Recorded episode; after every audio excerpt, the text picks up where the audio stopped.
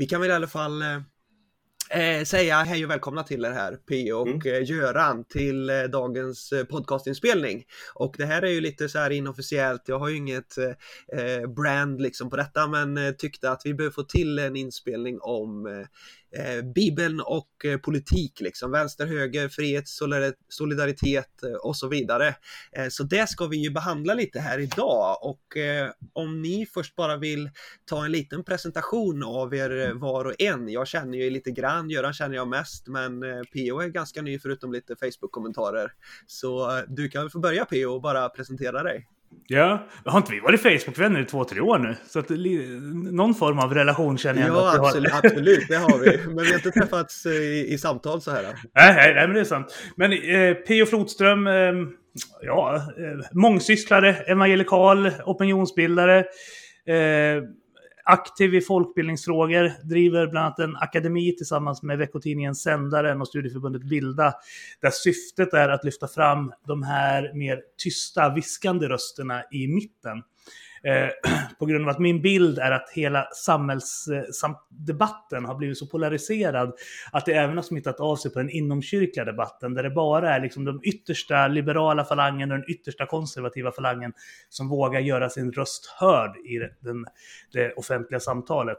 Och det tror jag på sikt är väldigt farligt. Så att jag har en stark passion och engagemang för att få den här lite mer tysta mitten. Göran tillhör ju mitten, men han är inte så tyst. Men de som liksom finns i ungefär samma Eh, i, samma liksom det här mer nyanserade eh, mellanlägena. Att de ska våga kliva fram, ta plats och göra sin röst hörd. Så det brinner för. Och så Kristna Datingpodden är ju ett stort passionsprojekt som jag håller på med också. Jag och Göran ska även starta upp en podd med Sven-Gunnar Hultman och Jakob Andelius som heter Jesus och politik. Eh, så det är mycket, mycket, mycket på gång. Det låter spännande och om man vill följa dig och sådär då, Kristna Datingpodden är ju bra att gå in på, där hittar man lite av varje och ja. eh, du, du har lite olika grejer, men om man vill stötta dig på något vis, då, då kanske man hittar där bäst. Ja, ja men då gilla den sidan, eh, Kristna Datingpodden på Facebook och gilla även Pennys kultursällskap på YouTube. För desto fler prenumeranter och följare vi har, desto bättre förutsättningar får vi att eh, eh, kunna boka gäster och liksom fortsätta att verka generellt. Och det kan vara viktigt att säga också att Kristna Datingpodden riktas inte bara till singlar, utan det är en evangelikal förkunnelse plattform där vi liksom lyfter och tar i de frågor som vi uppfattar inte har tillräckligt stort utrymme på kyrkofikat och i liksom samfundssamtalet överhuvudtaget. Så vi tar de där frågorna som vi uppfattar att ingen förutom oss och Olof Edsinger vågar ta i. Just det. Och sen har vi Göran Reijerstam här också då som jag känner lite mer via Radio Hope och, och lite sådär. Men du får presentera dig Göran. Ja, Göran Reijerstam heter jag. Jag eh, är stockholmare numera. Jag eh, eh, alltså många år tillbaka. Eh, jag är kristen eh, med bakgrund inom pingströrelsen sen modersmjölken brukar jag säga. Eh, och därmed evangelikalt kristen då. Eh, som, eh, som, många, som många andra frikyrkokristna stolt bärare av traditionen av att jag har tagit ställning till min tro själv trots att jag är född in i den. Eh, och eh, mina föräldrar var tydliga med att jag själv skulle ta ställning till min tro och det det är också väldigt tydligt gjort och har vägt alla argument för och mot varandra eh, och hittat egentligen bara argument för. Och så min tro är tydligt baserad på eh, upplevelse men lika mycket också på förnuft och fakta kring eh, hur allt, hela universum och hela världshistorien hänger ihop och därmed är min eh, tro på Bibeln också bergfast. Eh, jag ansåg tidigt att, att min, min tro också, jag tror liksom PO här skulle få måste få politiska konsekvenser, få konsekvenser i vardagen, hur jag ser på samhället. Att, eh, jag, jag, svår, jag hade svårt i min uppväxt att eh, eh se på eh, eh, eh, vissa kristna syn att politik och, och tro är två skilda saker. Att eh, Jesus lämnar BO i, i frågan om eh, hur vi ska se eh, ideologiskt och politiskt på samhället. Så det eh, ledde mig in i lite grann politi partipolitik som ung, kan jag komma tillbaka till sen. Till yrket så är jag arkitekt. Jobbar mycket med kyrkoprojekt och andra projekt. Jag är med och driver en del av Radio Hope kan man säga, morgonprogrammet Hope Morgon som sänds live varje dag, fem dagar i veckan, 7 till 9 genom Radio Hope men också på nätet. Eh, och Hope Morgon driver också en Instagram-sida som där vi lägger ut eh, livsberättelser och eh, eh, argument för kristen tro. I princip nya inlägg varje dag. Så följ oss på och eh, eh stöd oss via att eh, eh, gilla våra inlägg och våra reels på Instas konto Hope Morgon. Eh, och snart är vi ute med en ny app också som ska vara bara fokus på, det ska vara en, som en, en total argumentationsapp varför eh, eh, det är sant att bli kristen. Varför det är alla argument för kristen tro samlade i en app. Eh, och med mitt tillägg hittills så hittar jag väldigt lite av sånt inom hela atmosfären. Just det, och eh, nu har vi använt lite ord här liksom och sådär. Eh, till exempel så evangelikal och så. Men jag, jag tänker ju den en fråga som man behöver lägga en liten grund på när man har ett sånt här samtal om Bibeln och politik, liksom kristen och politik. Så behöver man ju prata lite om hur de var och en ser på Bibeln. Och vi behöver inte komma fram till något konsensus om det finns skillnader. Men det är ändå bra att bara benämna liksom hur man ser på Bibeln. Vad har man för bibelsyn?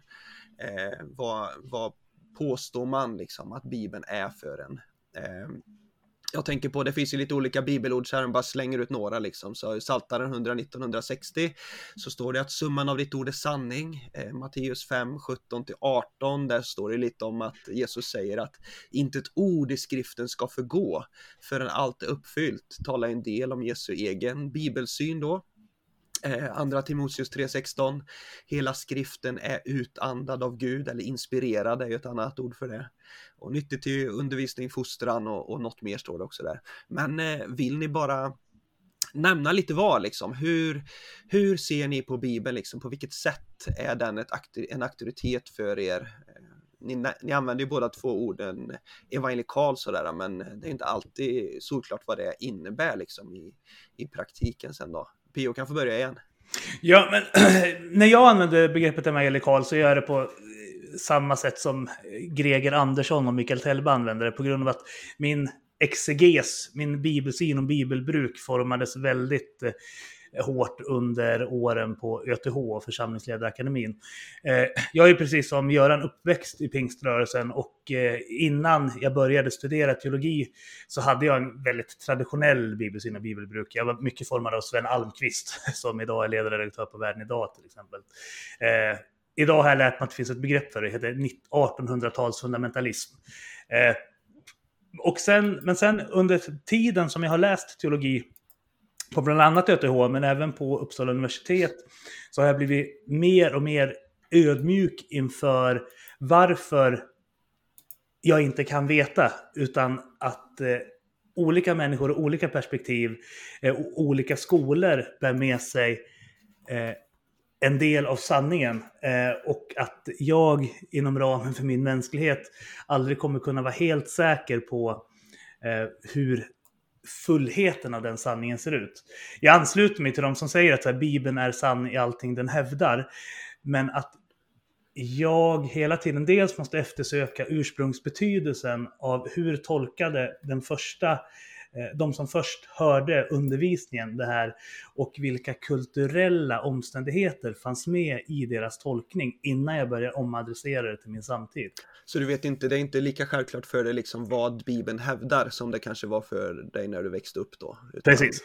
Ja, just det. Och, och Göran då, om du vill bara berätta lite hur du ser på det och du får även, och Pio kan få komma igen sen liksom vad ni ser om det finns skillnader mellan er så kan det vara bra bara Eh, peka på ja, Men, men, eh, eh, jag är inte skolad teolog men att jag läst pluggat teologi under, eh, på distans under de eh, två år jag bodde i USA eh, för länge sedan. men för mig är det ganska naturligt att tänka tanken att om att Gud har haft sin hand över världshistorien och han har koll på världshistorien och därmed på det som var Jesu bibel under eh, under hans vandring här på jorden, under hans tid här på jorden för två, cirka 2000 år sedan. Han, eh, han säger själv, som du citerar de här bibelorden Josef, att eh, ordet är heligt, ingenting av, av ordet Guds ord ska förgås. Och då talar han om lagen om profeterna, om judarnas eh, eh, profetböcker och Moseböcker som definierat Guds ord. Och sen så Nya testamentet då, varför är vi som då är, man kan säga, jag skulle säga att vi är eh, refundamentalistiska för att vi eh, vill ju göra anspråk på som evangelikalt kristna att vi vill gå tillbaka till som protestanter till, till, till att ha Bibeln, alltså Nya Testamentet som vårt rättesnöre och ingenting av kyrkans tradition som, till skillnad från vad katolska kyrkan har.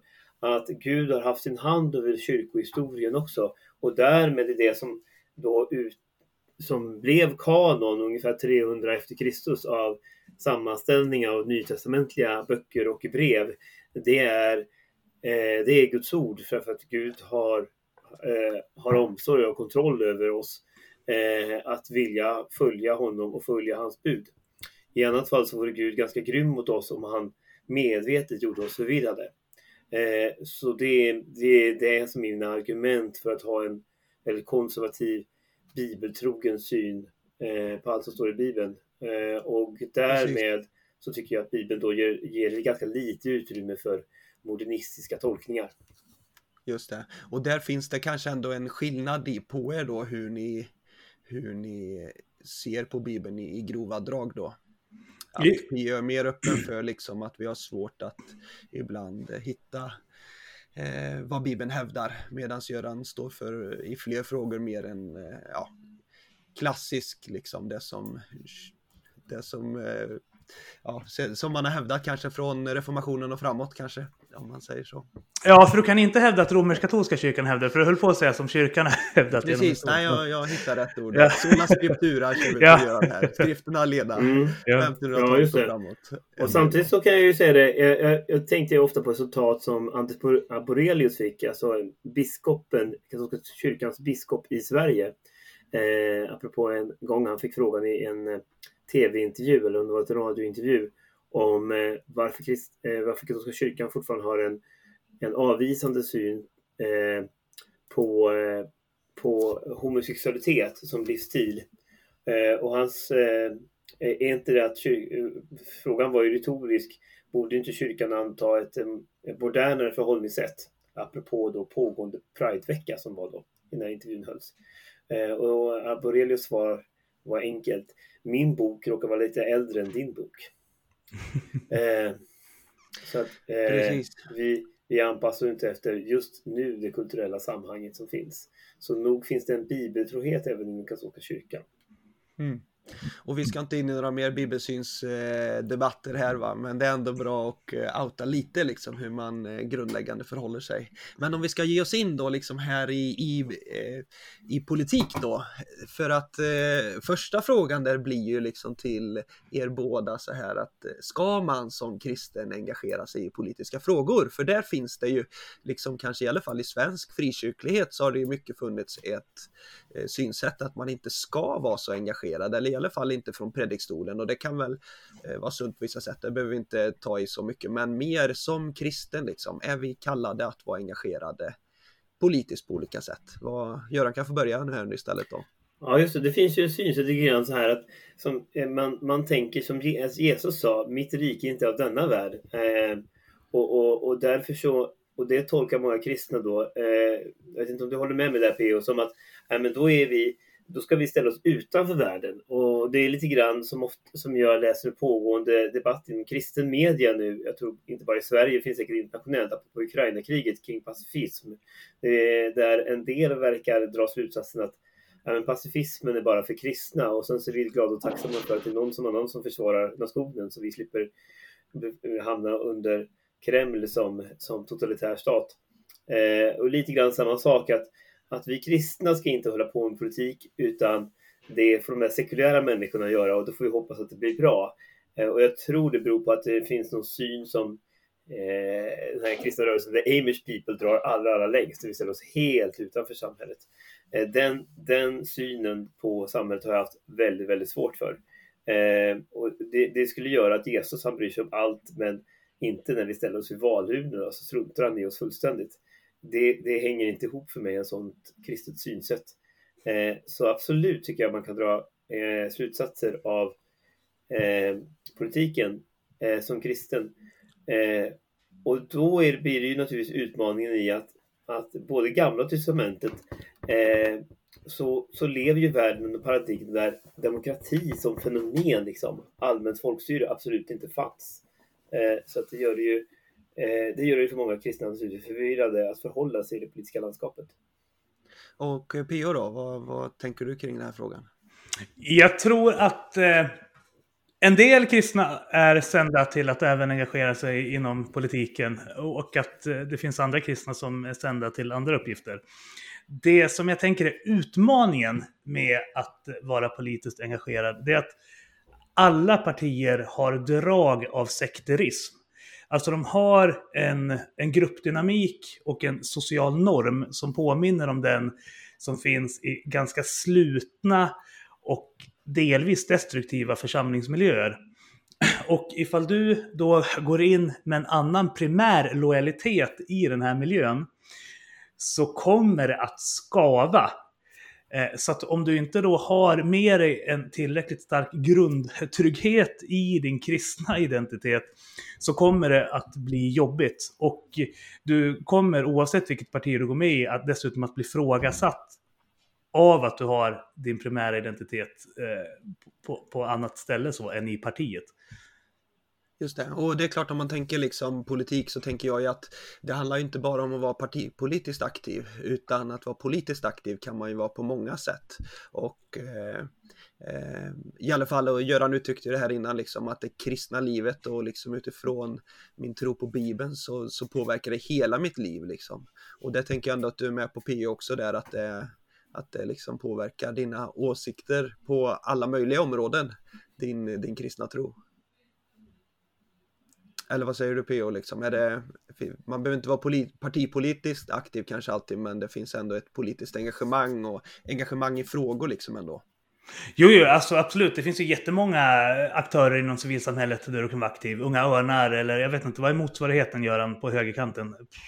Eh, ja, det, det, det, finns nog ingen utan då, då är det kanske bara... Var Lions, Lions, Lions eller... Lions, ja. ja. just det. Ja, eller, ro, ja, eller Rotary. Alltså så här olika ja. välgörenhetsorganisationer. Ja. Och det tror jag är jätte, jättebra så. Men... Man kan ju vara medialt aktiv också, liksom i media och engagera sig politiskt.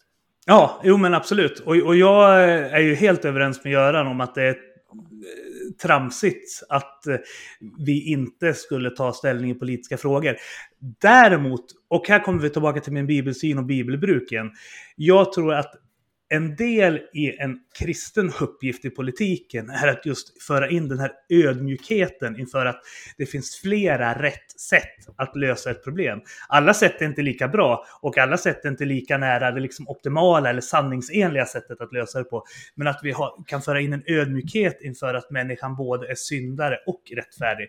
Och att vi inte har, alltså så här, för inom politiken, och det här gäller både vänster och höger, jag har hängt jättemycket i MUF och jag har varit politisk sekreterare för Vänsterpartiet i många år och hängt liksom med människor som är aktiva i alla partier och ungdomsförbund.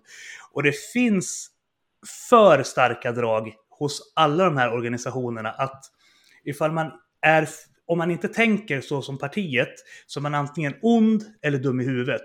Inom vänstern så säger man att alla till höger om sossarna är fascister. Inom Moderata ungdomsförbundet så säger man att alla till vänster om MUF i princip är, är fascister. Så att tyvärr Göran, även Centerpartiet är fascister i den gamla MUF-retoriken. Så. Och, och, det innebär ju att man får ett extremt benärt tänkande där man sitter inne med den enda sanna vägen, den enda sanningen om verkligheten. Och det ger ju en extremt eh, problematisk människosyn, att alla som inte håller med om den antingen är lurade eller onda. Det är återigen precis som Knutby eller extremt problematiska församlingsmiljöer. Men det här har ju media och liksom det offentliga, det, det offentliga samtalet helt, helt blundat för. Eh, mm. Man är jätteduktig på att liksom pricka in de här destruktiva miljöerna inom frikyrkan och, och är helt blind för att hela den politiska etablissemanget är del av exakt samma destruktiva strukturer. Med mycket sekteristiskt tänkande och uteslutningar som ju sker i alla partier, inte bara Sverigedemokraterna. Man utesluter ju folk för alla former av lite avvikande uppfattningar i ganska marginella frågor sett ur ett globalt perspektiv. Eh, så, så och då är det helt okej. Okay. man, man är ju så, absolut, partier är extremt sekteristiska. Mm. Eh, och de har syndarkataloger. Ja, exakt. Och man, man, man eh, eh lojalitet mot ledning belönas och, och det grövsta i de flesta partier. Det har jag sett också tydligt inifrån. Eh, eh, så att det är långt ifrån fritt. Det är därför som partier också går tillbaka medlemsmässigt. För ingen vill vara med i sådana organisationer längre utan man verkar i, i andra eh, organisationer också. Eh, intresseorganisationer och eh, eh ideologiska organisationer som, som, som driver politisk kamp på andra sätt.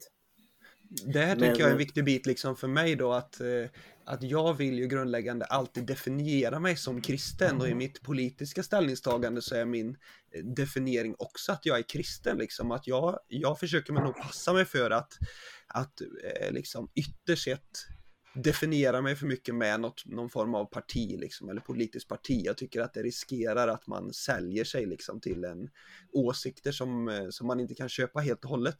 Och det gör inte att jag inte liksom har en åsikt politiskt sett, för jag ser mig tydligt som höger liksom. Men eh, däremot så så har jag väldigt svårt eh, för eh, kristna liksom som man känner att de här har ju sålt sig till ett politiskt parti liksom och så glider man ifrån eh, den kristna tron och de kristna värderingarna liksom i, i olika frågor beroende på vart man har ställt in sig i ledet i, i politiskt parti. Då. Men ni behöver ju outa här också, Pio nämnde ju lite, men ni har ju lite, ni har ju varit engagerade politiskt, partipolitiskt båda två. Just det, exakt. Vi sa ju det innan, eh, vi ja. sa det innan här att Göran ja. och eh, P.O. de känner att deras partier liksom, det, det, finns inga politiska partier som ni står med lika tydligt idag kanske då, ja. men eh...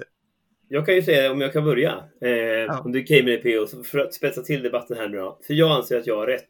Eh, jag anser att jag har svar på gåtan vad Jesus var för någonting. eh, jag, jag gick med i Moderata samlingspartiet som 19 eller 20-åring. Eh, och eh, jag gjorde inte det. Jag, jag har arbetarbakgrund. Båda mina, mina föräldrar är industriarbetare. Eh, vi hade inte alls råd eh, ens med vad andra familjer hade som också var industriarbetare i den lilla ort jag är uppvuxen i Västergötland. För att eh, min mor var eh, hemmafru eh, mycket under min uppväxt. Så vi, vi hade absolut ingen bra välfärd. Men jag blev ändå väldigt tydligt eh, högerpräglad i min i min syn på eh, samhället. Hör ni mig fortfarande? Ja. Jajamän. Ja, jag frös bilderna här. Tänkte jag ska säga det här så vill jag inte ska tappas. Eh, och det gjorde ju egentligen på att min enda slutsats eh, av vad Jesu budskap var. Eh, och det, man förhåller sig bland annat i Nya Testamentet många kristna kring det här med egendomsgemenskap. Eh, som Jesus upprätthålls som har ibland varit tolkat som att att eh, Jesus var egentligen den första kommunisten. Det vill säga, för den som inte är kristen som lyssnar på den här podden, så här, att Jesus skapade ju lärjungar som sen blev den första kristna kyrkan som spred sig från Jerusalem och utåt under dåvarande romarriket och sedan formades till ja, eh, Västrom och Östrom, liksom, eh, urkyrkan som blev katolska kyrkan och ortodoxa kyrkan. Eh, och då, de första kristna då, det står de i Apostlagärningarna 4 i Nya Testamentet, att de hade egendomsgemenskap. De sålde, alltså de ägde och delade på allting och delade ut efter var och en efter sitt behov. Och det här är ju någonting som man kan gissa att det kanske Karl Marx läste och, och tänkte att det är det kommunistiska systemet, så vi kan applicera den tanken på, på på statlig nivå. Problemet med den tanken, vilket visar sig i, i världshistorien, är att det är en, det är en, över, ett, en överbyggnad över samhället som kräver en sån, en sån egengemenskap för att bygga inte på frivillighet som det gjorde då under Jesu eh, under eh, den rörelse som Jesus formade, utan staten ska pådyvla alla människor lika eh, inkomster, utjämnade eh, levnadsförhållanden eh, och inom ett samhällssystem som är då nationalstaten.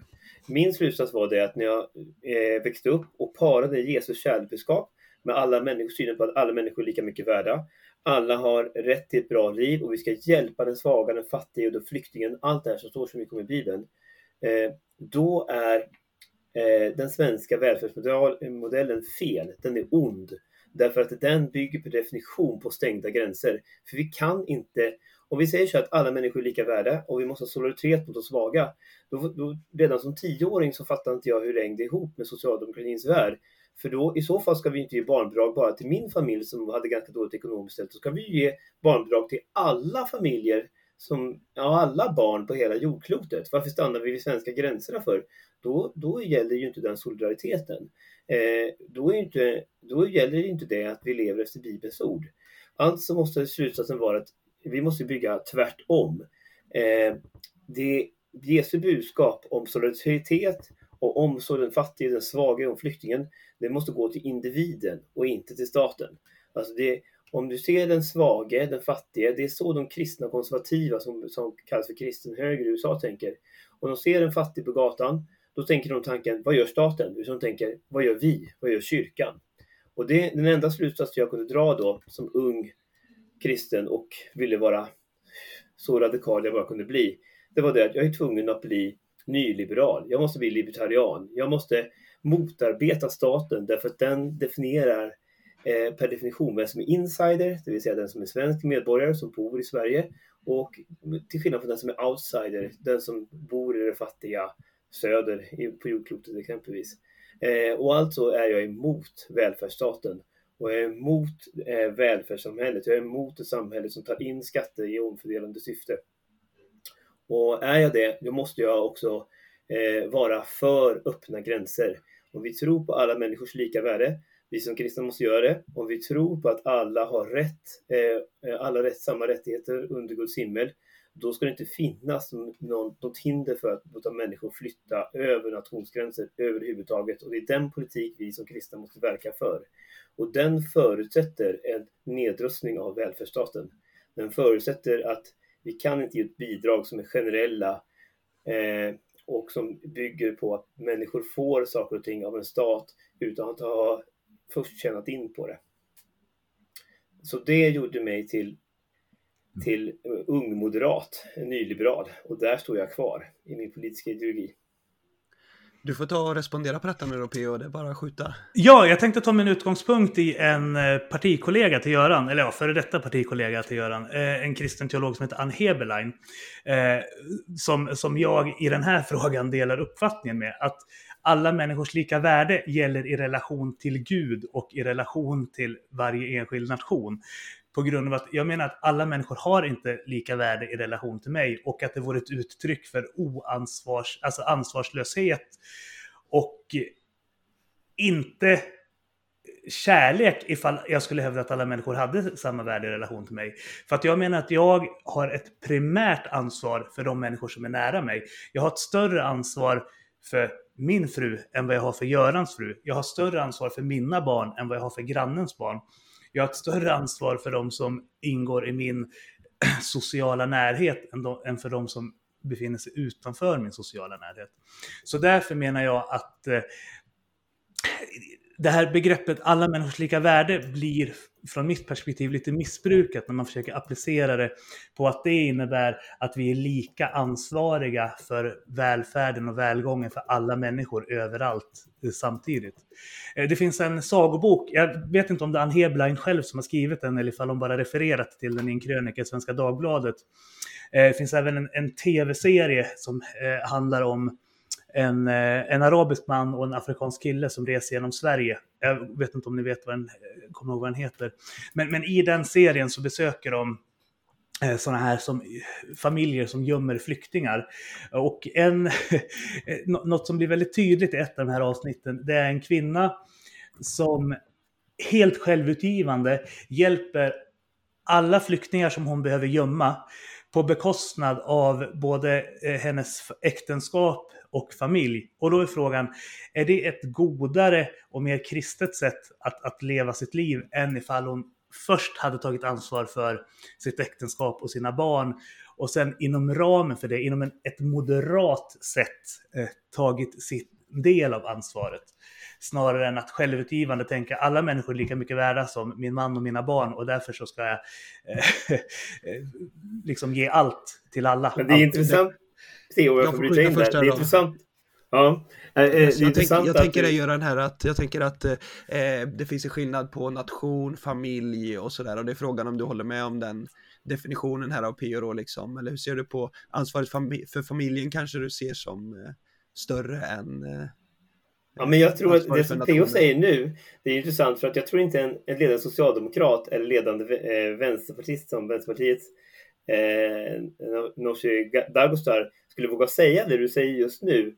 att det gäller bara under någon större makt, utan när de sjunger Internationalen och talar om jämlikhet, rättvisa och broderskap, då, då vill de påstå att det gäller hela världen och därför så finns ju väldigt mycket biståndsiver också inom vänstern som jag också är emot. Eh, men det är intressant att du går i respons på min syn på, eh, på eh, vilket kristet förhållningssätt vi ska ha till politiken som kristna lärjungar genom att eh, citera Ann Heberlein som är ju som deltar i Ingvar Arpis eh, eh, eh blogg och eh, videoblogg eh, Eh, en rak höger. Eh, hon definieras definitivt inte som vänster. Men det, men det är ju ärligt av dig PO, för det är ju där man landar egentligen som fackföreningsmedlem inom LO-kollektivet eller inom social, Svensk Socialdemokrati som har ställt sig på väldigt höga hästar moraliskt sett. Och jag, jag har ju mött som kristen evangelikal många sossar och min, min far också som är också höger har mött det. Alltså varför inte du, hur kan du vara kristen och inte vara socialdemokrat? För, de, i deras värld så existerar liksom ingenting annat. Och jag vill ju se då att det, det som de, jag tror att många på vänsterkanten innerst inne inser målkonflikten eh, som, som leder fram till din definition PO, att vi kan inte, vi kan inte dra alla människor över en kam på ett socioekonomiskt sätt. Vi kan bara se det att alla människor är lika mycket värda inför Gud och inte ur ett, ur ett globalt perspektiv när det kan, kommer till social och ekonomisk välfärd. Eh, eh, Eh, men man vill inte tala ut det. Och, och, och istället så har man ett avlatsbrev och det avlatsbrevet stavas bistånd. Eh, bistånd är en modern företeelse där staten ger till en annan stat som anses vara fattig Eh, för att på något sätt säga, ja men vi hjälper ju alla. Så därför kan vi sjunga Internationalen som vänster. Eh, det är bara det att de där människorna får 1% av BNP och de här, den här två, trebarnsfamiljen i Danderyd, den får 6 000 kronor i månaden. Nej, inte riktigt, men fyra i alla fall. Du menar att man gör det bara för att döva sitt samvete alltså? Jag vill bara till... Skulle inte eh, ideologi och, och eh, konsekvens hänga samman för fem öre. Jag vill bara tillägga också att exakt samma sak som han Heberlein säger har Robert Mattiasson sagt och skrivit i tio års tid. Men att börja citera honom i en kristen podd skulle jag göra en öppet mål. Så att därför... därför Göran Greider säger ju samma sak också. Han, säger, han, han sa ju så här då när det var flyktingkrisen, Göran Greider som är en känd vänsterdebattör, han sa ju då när det var flyktingkrisen att det här är ett svårt moraliskt dilemma, säger han. För då inser till och med han att, att välfärdsstaten kan inte ta emot 150 000 flyktingar som inte talar eh, eh, ens engelska och varav en stor andel råkar vara till och med analfabeter under ett år och utan att krackelera. Och, och därför så insåg till och med han då att Sverige var tvungna att stänga sina gränser 2015 när flyktingkrisen sköljde för oss. I mitt samhälle, i min värld, då är inte det något problem längre. Eh, Eh, och jag, jag vet att det är därför inte jag har något parti att rösta på längre, därför att det är ingen som håller med. Men jag kan inte dra någon annan slutsats. Att i min värld, så om, om Afrikas länder kan ta emot eh, miljontals flyktingar när det blir krig i grannlandet, då kan vi också göra det. Men det förutsätter att det inte finns någon välfärdsstat. Men om vi pratar lite om detta med storstat som bestämmer kontra en liten stat och, och tar bort massa eh, grejer och lite exempel sådär. Eh, övergripande så handlar det om liksom hur mycket frihet en kristen bör förespråka och hur starkt individens frihet ska förespråkas. Föräldrars frihet att uppfostra sina barn till exempel höga skatter och sånt där är vi inne på. Eh, ett exempel är ju liksom som jag har två små barn om man tänker på, eh, har jag själv rätt att välja hur jag ska ta ut föräldrapenning? Man är ju in och styr väldigt mycket och både med bidragsdelen i sig och sen att spesa liksom för, för mamman och pappan liksom olika månader och dagar och sådär. Och det har jag ju otroligt svårt för personligen liksom att, den, att det ska vara en stark stat som bestämmer hur jag ska leva mitt liv. Och det är klart jag förstår att det inte är svartvitt liksom utan jag tror ju ändå att staten behövs men jag tycker ju att, att staten är alldeles för stor i Sverige liksom från mitt kristna perspektiv liksom där den försöker tvinga mig att att göra saker som jag som jag inte vill som går emot min eh, kristna övertygelse. Eh, men PO liksom vad har du förespråkar du en stor stark stat som påverkar mycket liksom eller vad har du för Alltså det där är ju relativa begrepp. Så det är jättesvårt att veta vad är en stor stat, vad är en liten stat. Ja, men eh, i förhållande till Göran då? Jag vet inte, vill Göran ha någon stat? Är inte han så här 3% skattkille, nattväktarstats... Ja, ja, det är jag. Ja, ja i, så, i så fall vill jag ha en jättestor stat. Ifall, ifall det är Tycker, liksom... du att, måste... tycker du att staten ska vara som den är idag ungefär i storlek, liksom, som vi har i Sverige? Eh, jag tillhör ju de som tror att det är bättre både för engagemanget och för civilsamhällets autonomi ifall det blir billigare att eh, ge Alltså skänka pengar till civilsamhället istället för att staten först tar in pengarna och sen fördelar ut dem genom en fördelningsnyckel. Eh, så att det, det, det beror ju på vad du menar. Alltså, jag tror på ett starkt civilsamhälle och jag vill att staten ska skapa förutsättningar för att vi ska kunna bära det civilsamhället ekonomiskt på bästa möjliga sätt. Eh, jag, brukar... Men är det, är det verkligen lätt liksom om vi har, i Sverige har ju nästan högst skattetryck i hela världen liksom. Det är ju, kan man tänka sig att det finns ett starkt civilsamhälle som kan ge pengar om man beskattar människor upp över öronen? Nej, men dels så tror jag att eh, vi ska göra det lättare att... Till, jag brukar ju sällan lyfta fram USA som ett positivt exempel, för jag tycker att USA, precis som Sovjetunionen, är modelllandet för de värsta avsidorna av de två starka ideologierna som formade 1900-talet.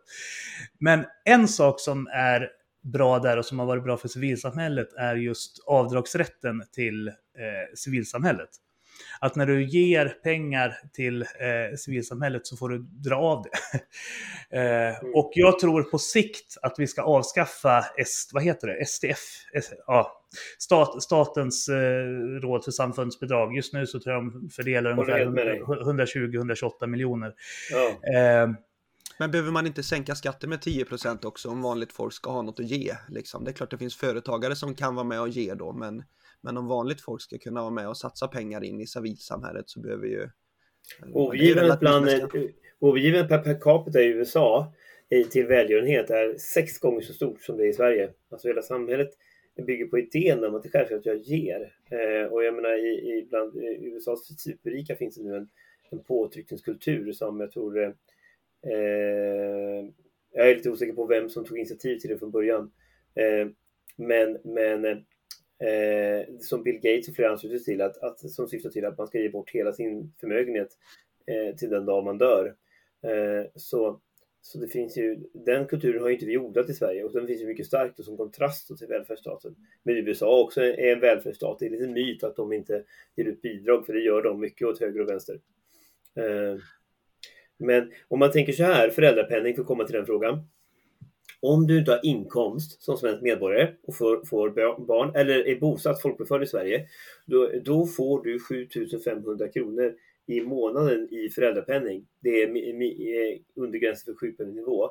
Kommer du då från ett afrikanskt land, kanske som sexbarnsförälder, och det här är ingen sånt här extremexempel jag tar nu. Det finns ju många föräldrar som kommer till Sverige och kommer som flyktingar från vissa afrikanska krigshärdar utan att nämna något eh, land specifikt för att outa det vid namn. Så, så, så kanske de har fyra, fem, sex barn. Varför kan du inte bara säga att det är Somalia? Jag jobbar ju med den här målgruppen ja, hela ja, dagarna. Okay, så jag säger, jag säger, jag säger ingen poäng med att nej, hålla på nej, nej, nej. Nej, men då är, ju det, då är det en väldigt hög inkomst. En inkomst som de aldrig varit i närheten av. Det är klart att incitamenten då för en, för en småbarnsförälder, oftast en mamma, i den situationen att, att ta ett jobb eller liksom att sen när barnet fyller två och tre liksom övergå från, från bidragsförsörjning, bostadsbidrag på det till att ta egen anställning, kanske med låg utbildning och ha hög tröskelbarriär till att lära sig svenska språket. Det är ju väldigt lågt. Och det gör ju det att Sverige då, vi får ju självklart, jag var lika frustrerad som många andra på, eh, på 2015 års flyktingkris eh, och jag tyckte att svenska politiker från höger till vänster var totala hycklare. Eh, Stå på Medborgarplatsen och hojta ena stunden och sen så stänga gränserna andra stunden och klaga på och, och man, eh, vissa småkommuner fick ta en fruktansvärd börda. Jag tyckte det var förskräckligt som svensk politik betedde sig.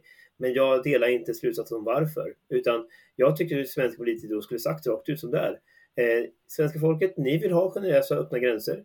Ni applåderade när Stefan Löfven sa, sa att mitt Europa känner, vet inga gränser. Bra, ta konsekvenserna av det då. Då, måste, då kan vi inte ha en generell föräldrapenning. Då kan vi inte ha ett generellt icke eh, behovsanpassat barnbidrag. Då kan vi inte ha en lång rad välfärdstjänster. Då kan vi inte ha fri sjukvård till alla utan att kvala in sig i ett sjukförsäkringssystem.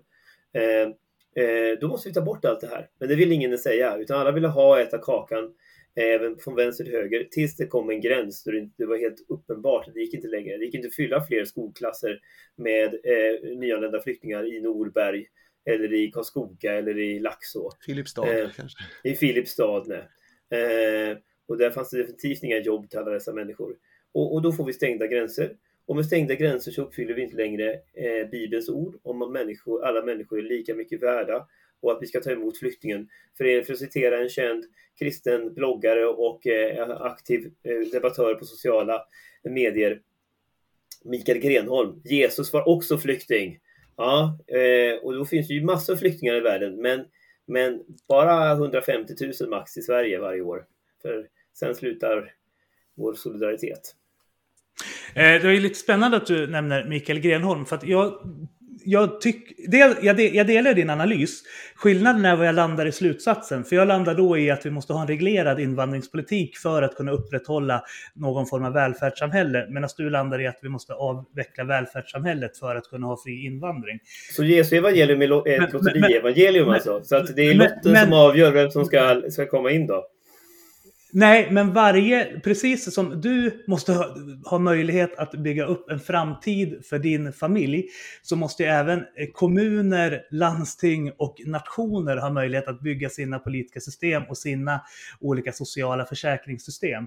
Men för din, din vision skulle ju funka ifall den applicerades globalt. Det är ungefär som eh, alltså, en, en, del kommunister som tillhör linjen trotskism, de menar att så här, kommunismen fungerar bara ifall den sker på global nivå. För annars så kommer den bli korrumperad och falla ihop i auktoritära samhällen så som vi såg i de realsocialistiska länderna.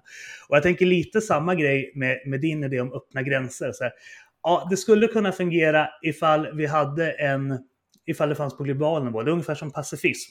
Ja, pacifism fungerar ju ifall alla länder nedrustar och avvecklar sina sina, sina vapen. Jag håller med om det. Ja, jag håller med om den eh, libertarianska eh, liksom, eh, svårigheten att den kan vara utopisk på det sättet. Men jag tror också att, att man får tänka på att den moderna välfärdsstaten med stängda gränser, den är egentligen bara ett fenomen sedan första världskriget. Eh, så innan dess så, så, så, var, så var alla länder ungefär lika fattiga och USA var ju i princip ett fritt invandrarland. En miljon svenskar lämnade Sverige för USA under den stora svälten på 1860-talet. Och det var liksom ingen fråga, kommer vi få visum till USA? Det var liksom bara, ta för dig liksom. Här bor fem eh, invånare per kvadratkilometer liksom. Det är bara vilken åkerplätt vill du ha? Och nu bor det 20 invånare per kvadratkilometer i USA och de tar fortfarande emot väldigt många invandrare per år. Det finns fortfarande möjligheter. Eh, jag anser ju att Fredrik Reinfeldt han gjorde ju rätt analys när han sa det att jag har flugit över Sverige och eh, jag, jag, ser många tomma ytor eller vad han sa. Eh, problemet var hans slutsats var ju det att eh, med den slutsatsen skulle han ju bli libertarian, vilket han verkligen inte var. Han var trianguleringssosse i det ögonblicket. Eh, så, så det, hans resonemang hängde ju inte ihop alls. Eh, eh, och det, och det så, så jag tror ju att det går att reversera det bandet, för det är ändå bara knappt hundra år av den här idén om att bygga välfärdsstater och det är egentligen bara i västvärlden vi har haft möjlighet att göra det får man tänka på också. Så det är inget globalt fenomen det här idén om att staten ska bära allas kostnader när vi får barn eller när vi ska bli sjuka och liknande. Eh, det, det jag skulle säga också att Görans välfärdspolitik skulle dessutom ta bort bort en massa pullfaktorer. Så att Sverige skulle inte ha i princip någon invandring ifall Göran och Centerpartiets politik skulle vara rådande. För vi ligger geografiskt eh, på, på, ett område där, där det inte skulle hända. Och, och det tycker jag är viktigt att lyfta i, i de här Sant. frågorna också, när libertarianer ja. pratar om fri Det är kallt på vintern och sova ute här helt enkelt. Ja, exakt. Eh, så att Mm. Med min politik så skulle vi ha mer invandring ändå i praktiken eftersom det, den politiken innebär mycket mera pullfaktorer än vad ett libertarianskt eh, icke-välfärdsland skulle ha. Men, Men vad sen, tänker du göra om, om medmänsklighet här liksom då? Jag, jag, ville, bara, jag, jag, ville bara, jag, jag ville bara komma in med en grej. För att, eh, mm. det, det, som är skälet till att jag är vänster och inte höger är också att jag tror att vi behöver en, en kollektiv idé kring att utjämna eh, de olika förutsättningarna i startfältet. En kommunist skulle ju gå in i slutresultatet och börja utjämna i utfallet.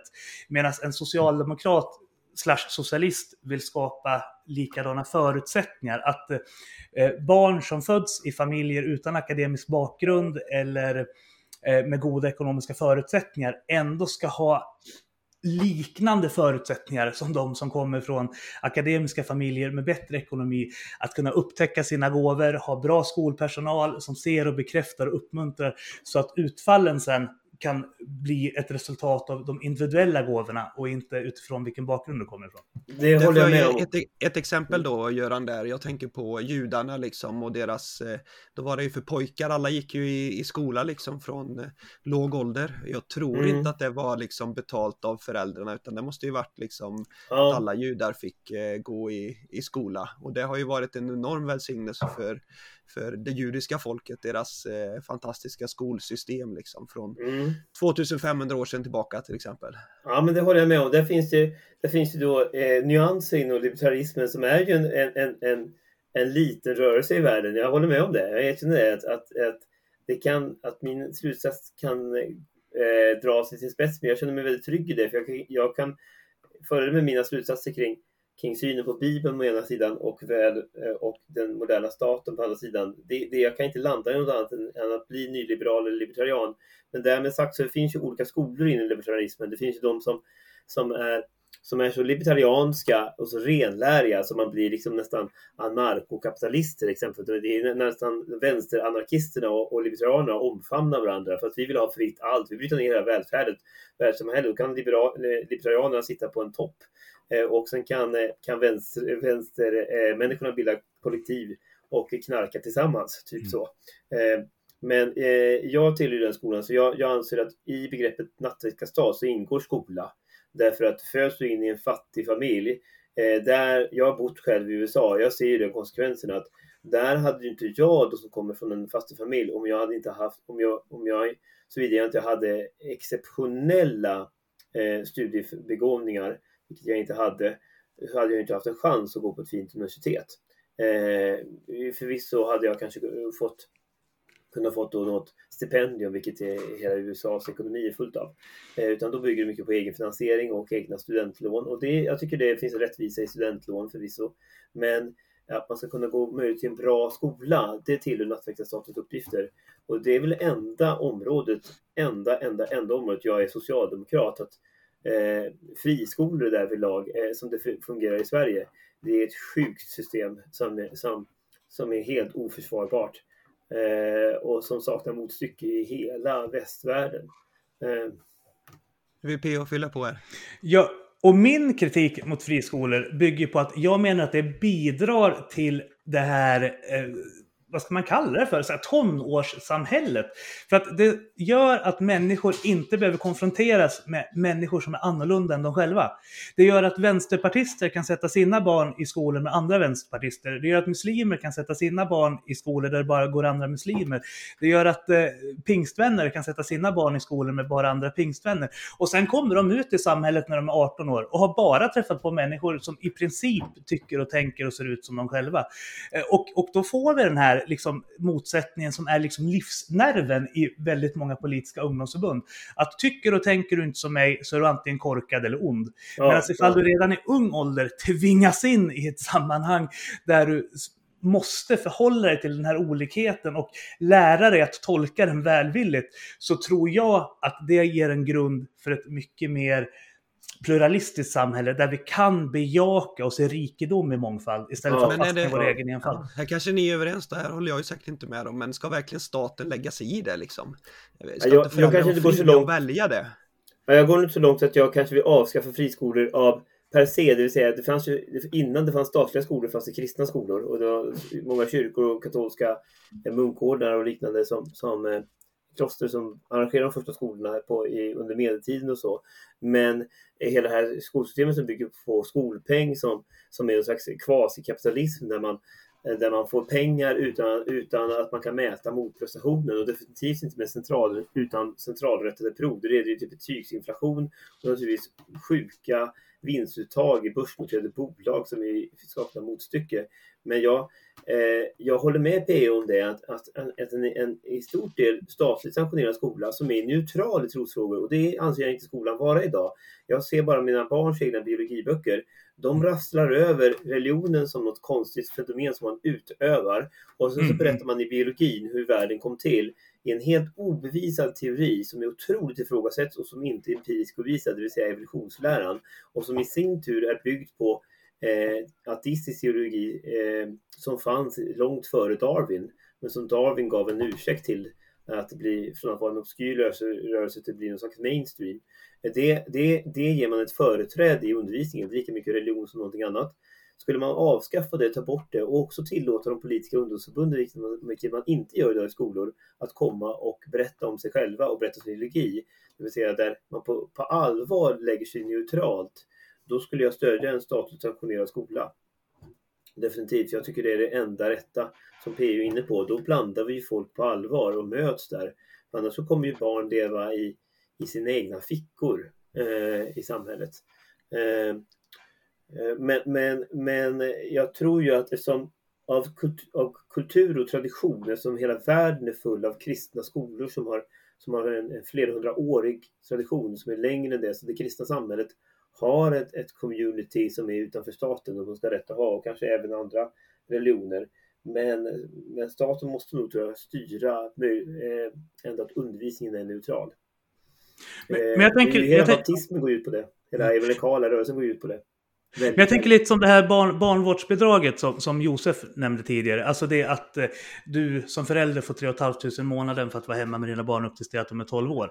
Alltså så här, ja, för en del kan det vara jättebra. Alltså jag ska gifta in mig i en småländsk bondesläkt nu och där hade ju ett sånt bidrag varit, varit, varit perfekt.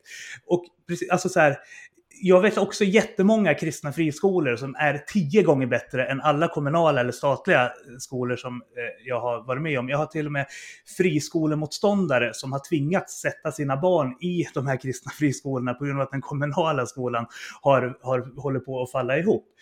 Men på en övergripande nivå, både när det gäller det här bidraget och ett sådant skolsystem, så tänker jag lite grann det här att stå tillbaka av solidaritet till helheten. För det här barnavårdsbidraget för eh, många invandrargrupper blir att förstärka kulturella fördomar som de går in med. För de, en del av dem har en föreställning om att kvinnor ska inte vara på arbetsmarknaden. För de ska inte vara i miljöer där de visar upp sig för andra män än sin man. Eh, och det finns en stark flerbarnsnorm om att man ska ha 5 till 6 barn. Vi har ett bidragssystem som för en del är jättebra, men som för en del grupper då förstärker ett, ett livsmönster som gör att de bor i Sverige i 10-12 år utan att lära sig ett ord svenska. Och det här kommer att bli ett problem. De Om- får fram tolk när de besöker sjuk- sjukvården. Liksom. Ja, precis. Och, och om 20 år så kommer vi då, kanske 10% av Sveriges befolkning inte kunna svenska. Och då säger man så här, ja men finnarna, det finns fortfarande finnar som inte kan svenska. Så här, ja, och det är också ett problem. Men det är inte på den här volymnivån som vi är på väg mot nu. Eh, och därför, det är också ett av mina argument för att hålla mig till, på den vänstra sidan av mittenlinjen i politiken. Att försöka hitta en balans hela tiden mellan olika gruppers intressen. Och återigen, jag är inte kommunist så jag vill inte liksom kapa utfallen. Men att hitta sätt hur vi kan skapa en så bra harmoni som möjligt i förutsättningarna. Sen hur man gör det, det är ju en pågående dialog så. Och jag har inget klart svar på hur det ska skapas.